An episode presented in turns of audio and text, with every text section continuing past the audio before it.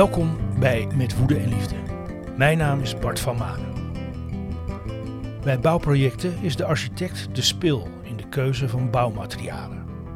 De bouwregels en verantwoordelijk aannemer zijn vaak een rem op die keuze.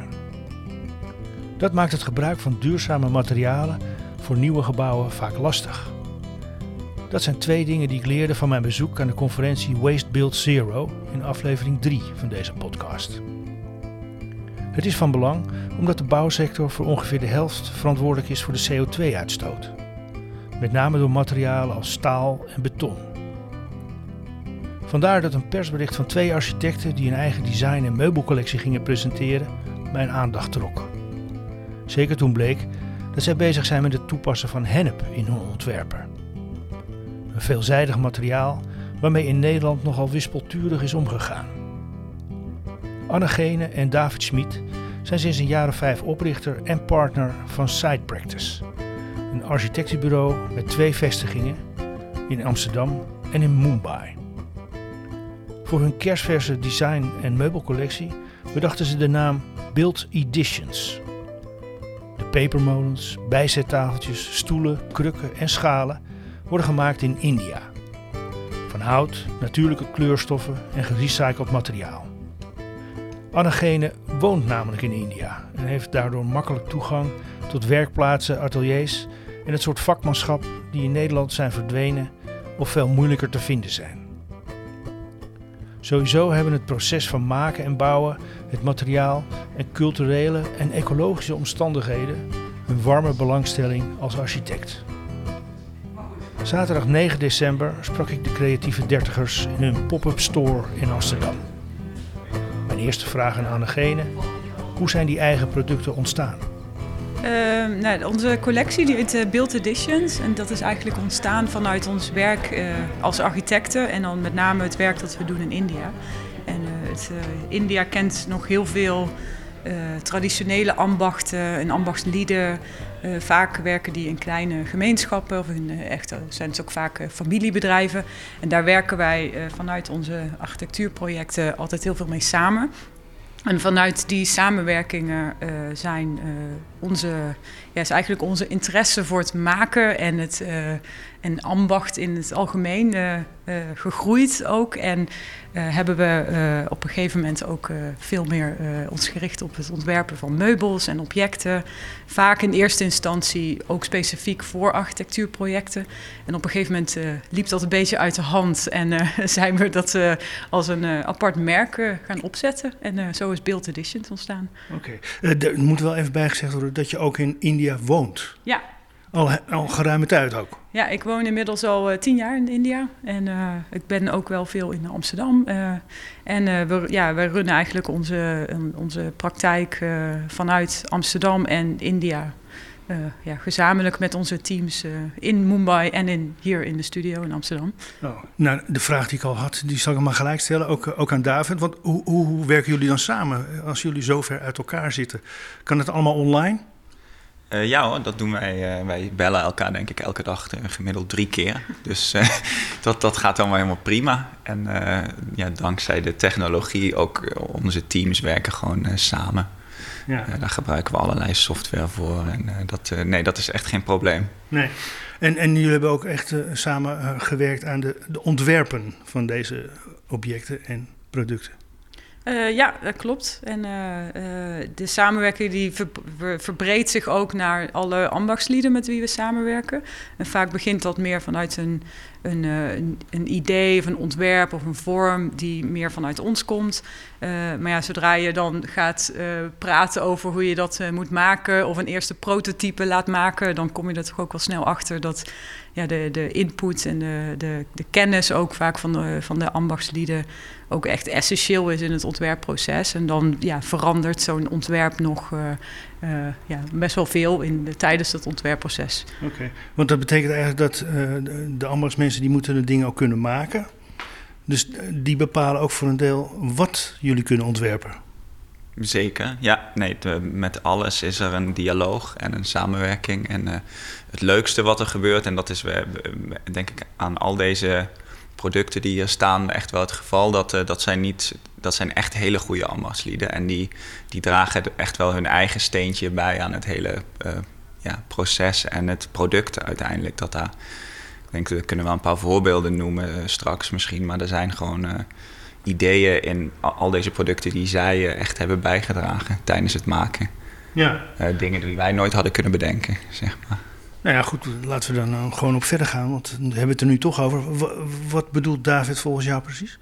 Um, nou, dat kan verschillende vertalingen hebben, maar vaak zit het ook wel echt in de details. En uh, nou, we staan, zoals je net al zei, we staan hier voor een uh, krukje dat we hebben ontworpen. Dat is een hout ontworpen en gemaakt door timmerlieden met wie ik inmiddels al tien jaar samenwerk. En nou, veel van de details, dat, die komen echt uit hun hand. En dat uh, ja, bijvoorbeeld de bovenkant, hoe de verbindingen van de poten met het uh, uh, zitvlak zijn gemaakt. hoe de, ja, de, de, hoeken daarvan hm. eruit zien. Dat is, ja, dat is echt de hand van de, van de timmerlieden geweest. En, de hand van de meesters in India. Zeker, ja. ja, ja, ja nu hebben jullie gekozen ook voor bijvoorbeeld schalen. Dat, zijn, dat ziet eruit als klei gebakken schalen. Maar is dat ook zo? Uh, nee, die zien er inderdaad zo uit. En uh, veel mensen denken dat ook. En uh, dat vinden we ook wel interessant aan, dat het eigenlijk een beetje ambigu is wat het materiaal eigenlijk is. maar we hebben deze gemaakt van gerecycled aluminium, dat we hebben omgesmolten en gegoten in zandmallen. En dus daardoor ja, zie je ook dat elke schaal net een klein beetje anders is.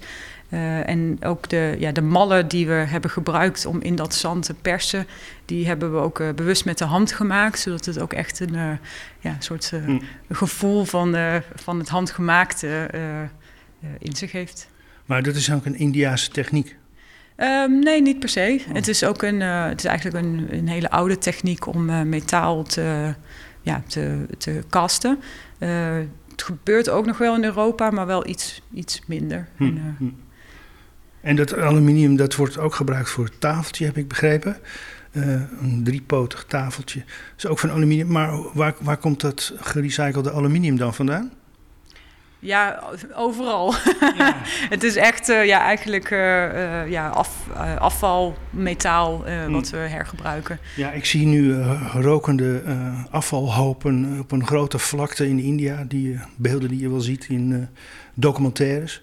Eh, moet ik dat eh, voorstellen? Nou, ik denk dat het iets anders is. Uh, er wordt, het, eigenlijk wordt in India ontzettend veel hergebruikt en gerecycled. En er is een hele, echt een hele grote industrie om, die ook echt de waarde van... van, van ja, ja, je kan het eigenlijk bijna ook geen afval meer noemen. Want alles wordt wel weer hergebruikt. Of ja, niet alles, maar veel. En ja, zeker metaal. Het heeft gewoon best wel veel waarde als je dat... Hmm. Ja, weer, weer kan hergebruiken. En, en ook het, ja, het idee om uh, ja, eigenlijk iets te gebruiken wat anders weggegooid zou worden of op een mhm. afvalhoop toch zou verdwijnen. Ja. Dat vinden we ook wel interessant ja. natuurlijk. En, maar heeft het ook wat jullie betreft een, een meer sociaal doel dat jullie ook werk in India creëren eigenlijk? Uh, ja, we werken ook wel bewust uh, samen met uh, ambachtslieden, vaak in kleine gemeenschappen of kleine, ja, kleine bedrijven. de timmerlieden, dat is echt een familiebedrijf bijvoorbeeld. die, ja, dat zijn echt uh, volgens mij zijn ze allemaal aan elkaar gerelateerd. Hm. Ooms, uh, neven, broers, uh, van alles. En ja, die, door met hen samen te werken willen we ook wel proberen om ook die ambacht in stand te houden. Zeker bij nieuwe generaties. je ziet dat gewoon best wel snel verdwijnen. Dat, hm. ja, en terwijl eigenlijk die timmerlieden bijvoorbeeld echt heel veel gewoon bijna uh, uh, ja, kennis hebben die ze gewoon meekrijgen omdat ze daarin worden, zijn opgegroeid. Het is bijna echt in hun bloed, kan je wel zeggen. Ze zijn niet naar de LTS geweest, ze hebben gewoon les gehad van een oom. Ja, zeker, zeker, ja. worden echt jaar lang. Ja. Vijftien jaar lang, zeg je? Ja, ja. ja. En kijken en ja, niet, niet, eens zelf maken de eerste paar jaren, maar gewoon alleen maar meekijken en leren van, hm. de, van de oudere generaties. Dus ja. dat leer je niet in een paar jaar op de LTS. nee, dat zijn ook de mensen die we hier in de. Uh, hier draait een video op een computer. Die, uh, waar de draaibank staat, waar de pepermolen. Is, is het dan een pepermolen of een kruidenmolen? Want dat, dat is een Nou, beetje verwarrend. Het is een eh, pepermolen, eh, maar je kan het, het eh, maalmechanisme dat, dat erin zit, is ook is van, gemaakt van keramiek en is ook geschikt voor zout. Vandaar dat we het een spice grinder hebben genoemd, want je kan er zout en peper in doen. Oké, oké. Van de week was de, de opening. Hebben jullie al wat verkocht intussen van deze producten? Ja, zeker. Het loopt gestaag. Ik denk,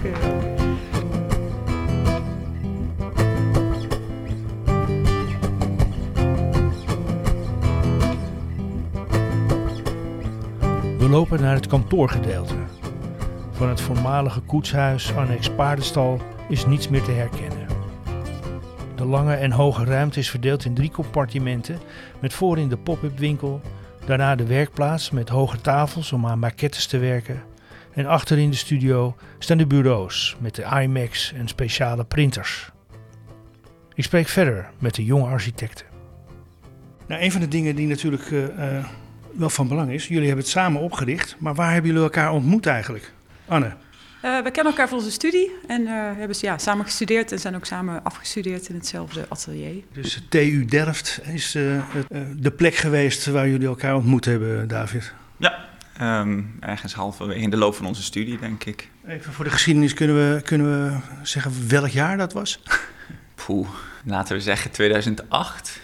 Dat we elkaar ontmoet hebben. Ja, nou, ik ben in zoiets. 2005 begonnen. Ik denk dat ik het zoiets. eerste jaar of de eerste twee jaar wist ik niet van Anne dat we staan. Ja, zijn wat is het elk jaar 500 ja, studenten denk ik destijds. bouwkunde. Dus je kent niet iedereen. Ja. Nee, maar dat is wel bijzonder, want maar jullie hebben ook besloten om eh, verder samen te gaan met dit architectenbureau. Dus waar is de, de vonk overgeslagen? Hadden jullie dezelfde ideeën of eh, ja, was samenwerken al getoetst tijdens de studie? Nou, ik denk, we kenden elkaar toen al, maar we zijn één semester tijdens onze studie ook in India geweest. En eh, heb, toen hebben we ook veel rondgereisd. En eh, ja, toen, ja, dan leer je elkaar natuurlijk ook wel echt heel goed kennen. En dat was denk ik ook voor ons allebei wel echt een ja, hele indrukwekkende ervaring. Die eh, nou, voor mij toen na mijn afstuderen ook heeft geleid tot eh, het weer teruggaan naar India. Om daar te gaan werken. En eh, ook toen wij begonnen met side practice, met ons architectenbureau... Voor David denk ik ook een, een reden dat ja, de India was niet onbekend en gewoon de, de manier van werken daar ja, spreekt ons allebei heel erg aan. En, Hmm, dat is denk ik wel ook tijdens onze studie ontstaan. Ja, ja. Um, en wat, wat is nu jullie eerste project geweest dat jullie samen hebben bedacht en ook hopelijk hebben uitgevoerd? Ja, wij zijn toen um, zo'n, het beginnen van zo'n bureau heeft dan een soort van nog best wel even een aanlooptijd of zo. Dat, daar praat je dan over en dan ga je het op een gegeven moment doen. Maar dan heb je eigenlijk helemaal geen opdrachten. Of dan probeer je die maar eens zo langzaam te gaan vinden of zoeken. Ja, eerst zoeken, dan vinden. Ik denk dat wij... Um, het eerste project in Nederland, dat was wel echt een... Uh, eigenlijk meteen best een groot project. Dat was een prijsvraag die we wonnen voor een, uh, voor een woongebouw. Uh, sociale huurwoningen, uitgeschreven door een wooncorporatie uit Nijmegen. En zij hadden gevraagd uh, aan de markt eigenlijk... van ja, kunnen jullie een duurzaam, betaalbaar en circulair woongebouw ontwerpen... Waar 70 huizen in, in komen. Daar hebben wij toen aan meegedaan als, als jong bureau. We hadden eigenlijk niet zo heel veel andere dingen te doen, geloof ik. en dat hebben we toen gewonnen. En dat was denk ik, achteraf gezien zouden we dat ons eerste project kunnen, okay. kunnen noemen. Okay. Ja, dat, dat, staat nu bij jullie op de website onder de naam Hennephof. Dat is heel bijzonder. Uh, uh, dat wordt nu gebouwd. Ja, dat klopt. Het, uh, het, voorstel wat wij destijds voor die prijsvraag hebben gemaakt... was een, een, een ontwerp voor een acht verdiepingen hoog woongebouw in kalkhennep... met een houtskeletbouw draagconstructie... En ja, dat werd erg geprezen en daarmee hebben we dus ook die prijsvraag gewonnen. En vervolgens zijn we ook met de opdrachtgever en de aannemers gaan kijken van oh ja, hoe kunnen we dat nou echt gaan bouwen. Het is een complex proces geweest, veel van geleerd.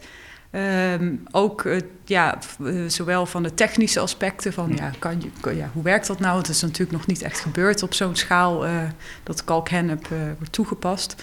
Um, en, maar ook daarnaast ook de, ja, de, de processen van de, ja, die meer aan de, de achterkant, besluitvorming, kosten. Hmm. Um, regelgeving, die, ja, dat komt daar ook allemaal bij kijken. En ehm, het wordt inderdaad nu gebouwd, helaas niet in hennep. het wordt in beton gebouwd, omdat het toch bleek dat, ja, dat er toch te veel risico's en onduidelijkheden. En uh, ja, misschien dat de schaal hadden we daar misschien ook wat onszelf wat op verkeken.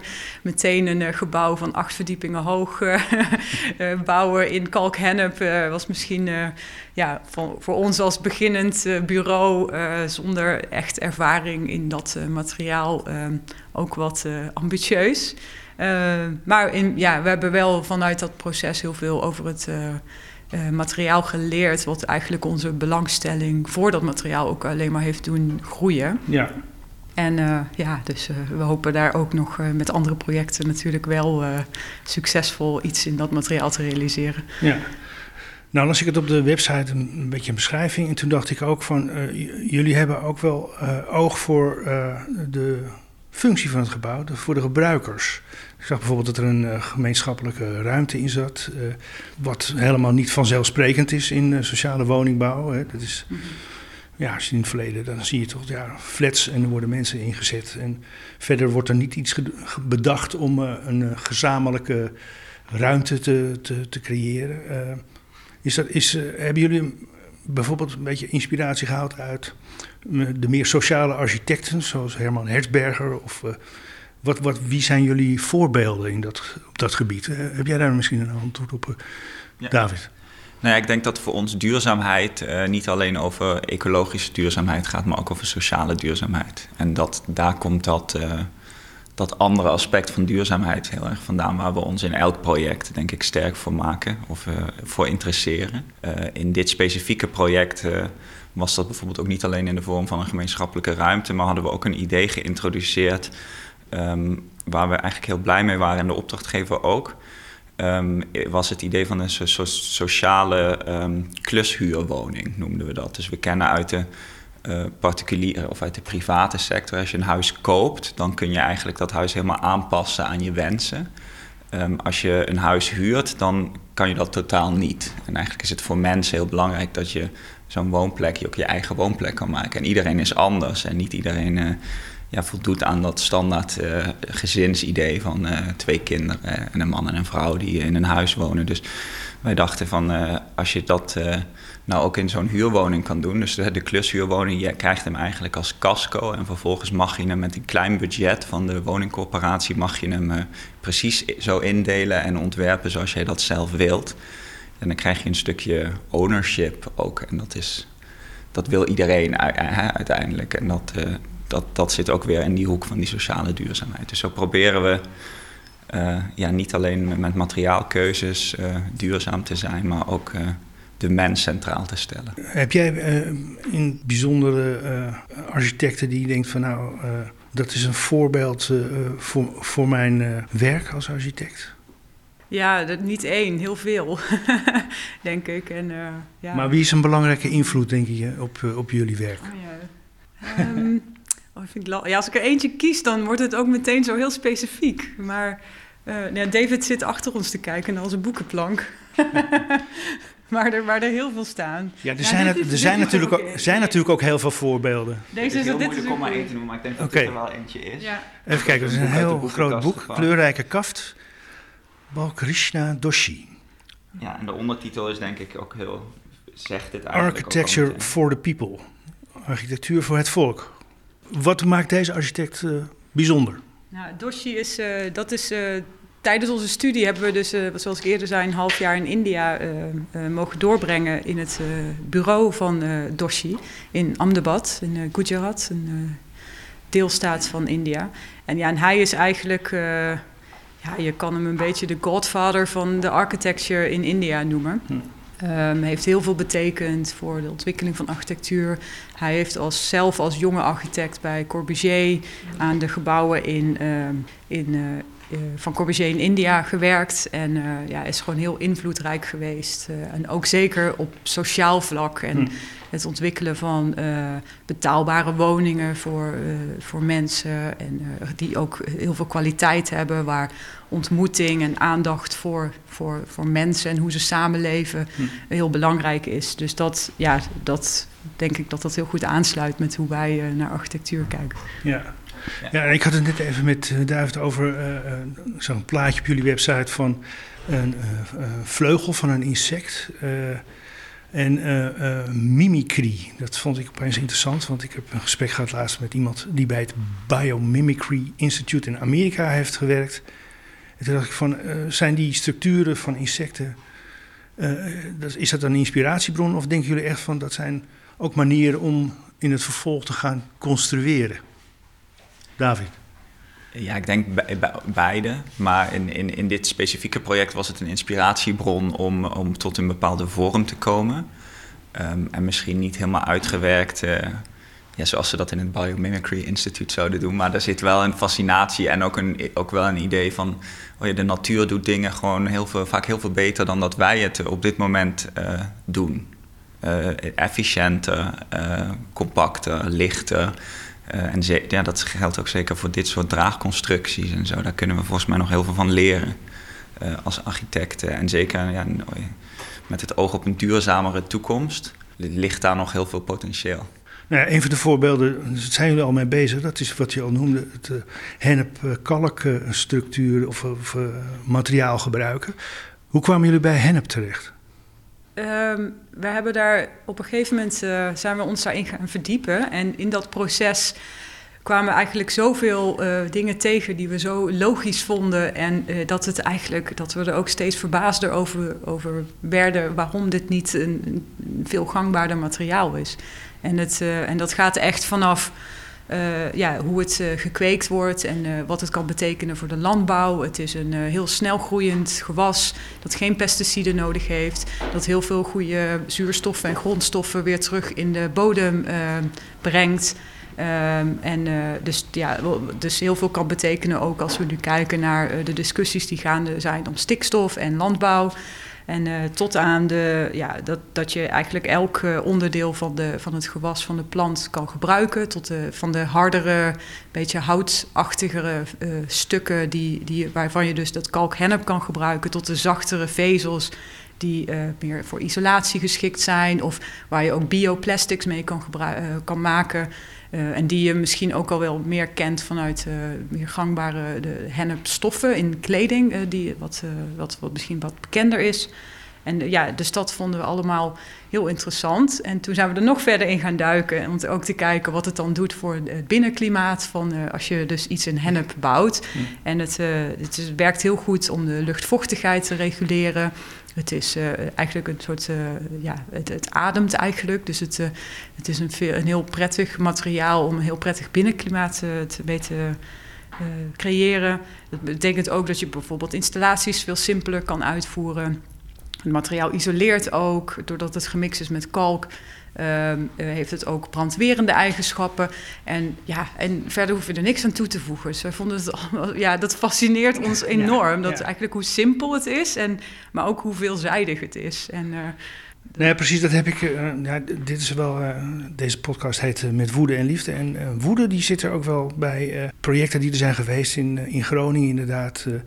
Met, met de hennepteelt en dat, dat opeens weer werd verboden. En, dus daarmee stuiten jullie eigenlijk ook op nou, toch wel een behoorlijk soort conservatisme wat er ook heerst in de bouwsector. Is dat, is dat uh, jullie ook opgevallen? Het is wel star af en toe, ja, ja. Maar dat is ook leuk om tegenaan te schoppen. Um, dat, is, dat is ook onze taak, denk ik, als jonge architect. De, het materiaal hennep heeft natuurlijk sowieso een hele interessante geschiedenis. Je, je noemde al even de productie in Groningen, die nu op grote schaal wel weer is ingezet. Um, we hebben als een soort van uh, andere hobbyprojecten als achtergrondstudie naar, uh, naar de bouw van dat hennephof in Nijmegen. Heel veel onderzoek gedaan, op een archiefonderzoek naar, naar dat materiaal. En wat heel erg interessant is, is dat het eigenlijk tot aan het begin van de 20e eeuw een alom vertegenwoordigd materiaal was. Het was overal aanwezig en werd voor alles gebruikt. En is toen eh, ja, tot eigenlijk, eh, laten we zeggen, 10, 15 jaar geleden volledig verdwenen uit de materiaalgeschiedenis of het materiaalkanon dat we, dat we gebruiken. En dat heeft met de associatie met, de, met drugsgebruik te maken eigenlijk. Maar werd het toen ook voor, in, in de bouw gebruikt op allerlei wijzen? Of was het puur voor, voor vezels? Of hoe werd het destijds gebruikt dan? Ja, er zijn uh, oneindig veel voorbeelden die weer teruggaan naar die veelzijdigheid van die plant. Dus de, de vezels uh, aan de bovenkant, noem ik het maar even, van de plant, die uh, werden gebruikt voor stoffen, touwen, ja, vezelrijke materialen. En de, de houtachtige schil was, ja, vormde meer houtachtige toepassingen. Hm. Dus een soort spaanplaat bij wijze van spreken, dat soort dingen, of niet? Ja, je zou er een, eh, een soort van hempwood heet dat, als je hm. het samen perst. En dan hm. uh, krijg je inderdaad een soort spaanplaat. Ja. Dat is, uh, we, staat hier, we staan hier in het kantoor, maar tegen de muur staat hier een raamkozijn. Eigenlijk helemaal van dat materiaal gebouwd. hebben jullie dat ook al ergens kunnen gebruiken? Dat is een prototype, wat we nog niet zo heel lang geleden hebben gemaakt. Een paar weken geleden eigenlijk. Uh, waar we in samenwerking met de producent van dat uh, hennephout, dat heet Hempwood, dat is een, uh, een Amerikaanse partner die ook in Europa op grote schaal dit materiaal wil gaan produceren. en een, een, traditionele kozijnbouwer eigenlijk hebben wij, hebben wij bedacht van nou ja, je kan van dat hennephout ook een kozijn maken. Dat was er eigenlijk nog niet.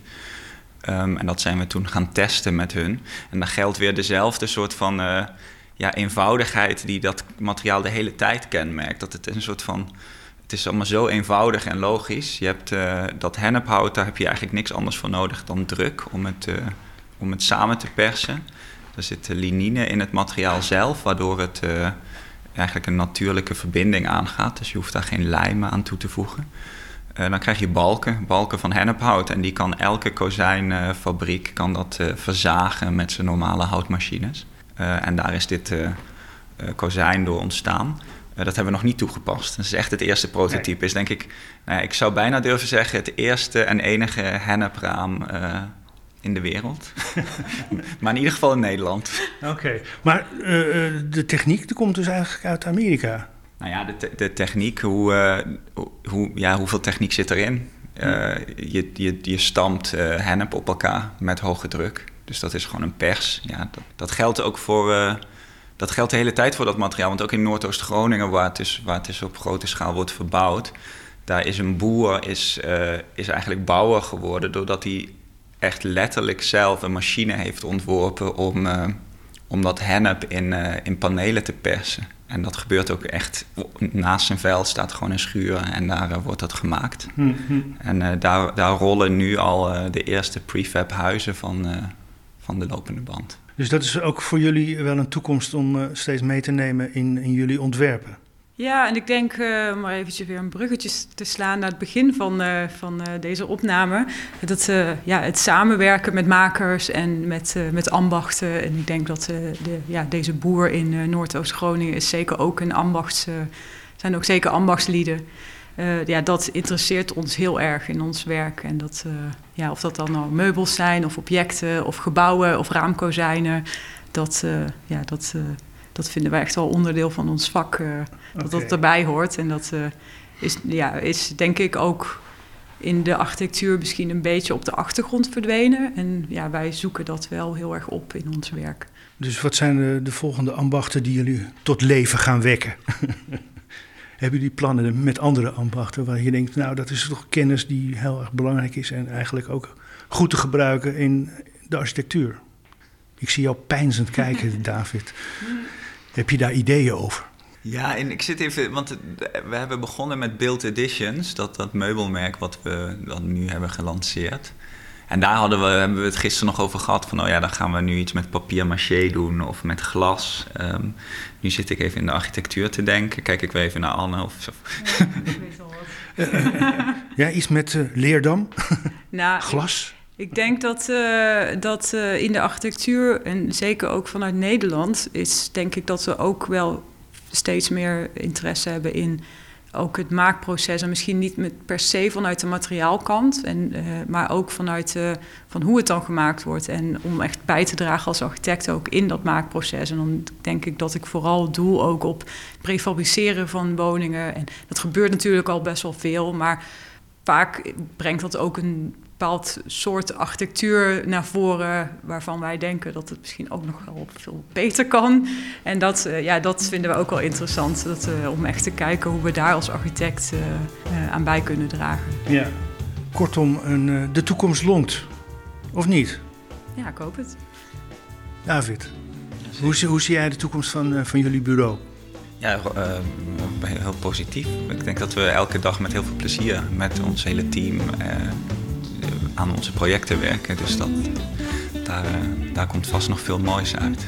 En er moet nog veel gebouwd worden. Dat is in ieder geval wel duidelijk.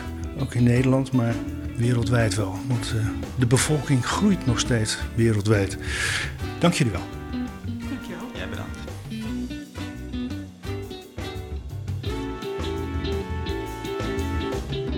Met Woede en Liefde is een podcast van Bart van Manen in samenwerking met Studio Klankplank. Dank deze keer aan Anne Gene en David Smit, Patricia van der Lucht en Mingus ten Katen voor het leuke gesprek. Sorry voor het doorbreken van de illusie dat je de enige bent met de voornaam Mingus. De links voor Side Practice en Build Editions vind je in de show notes.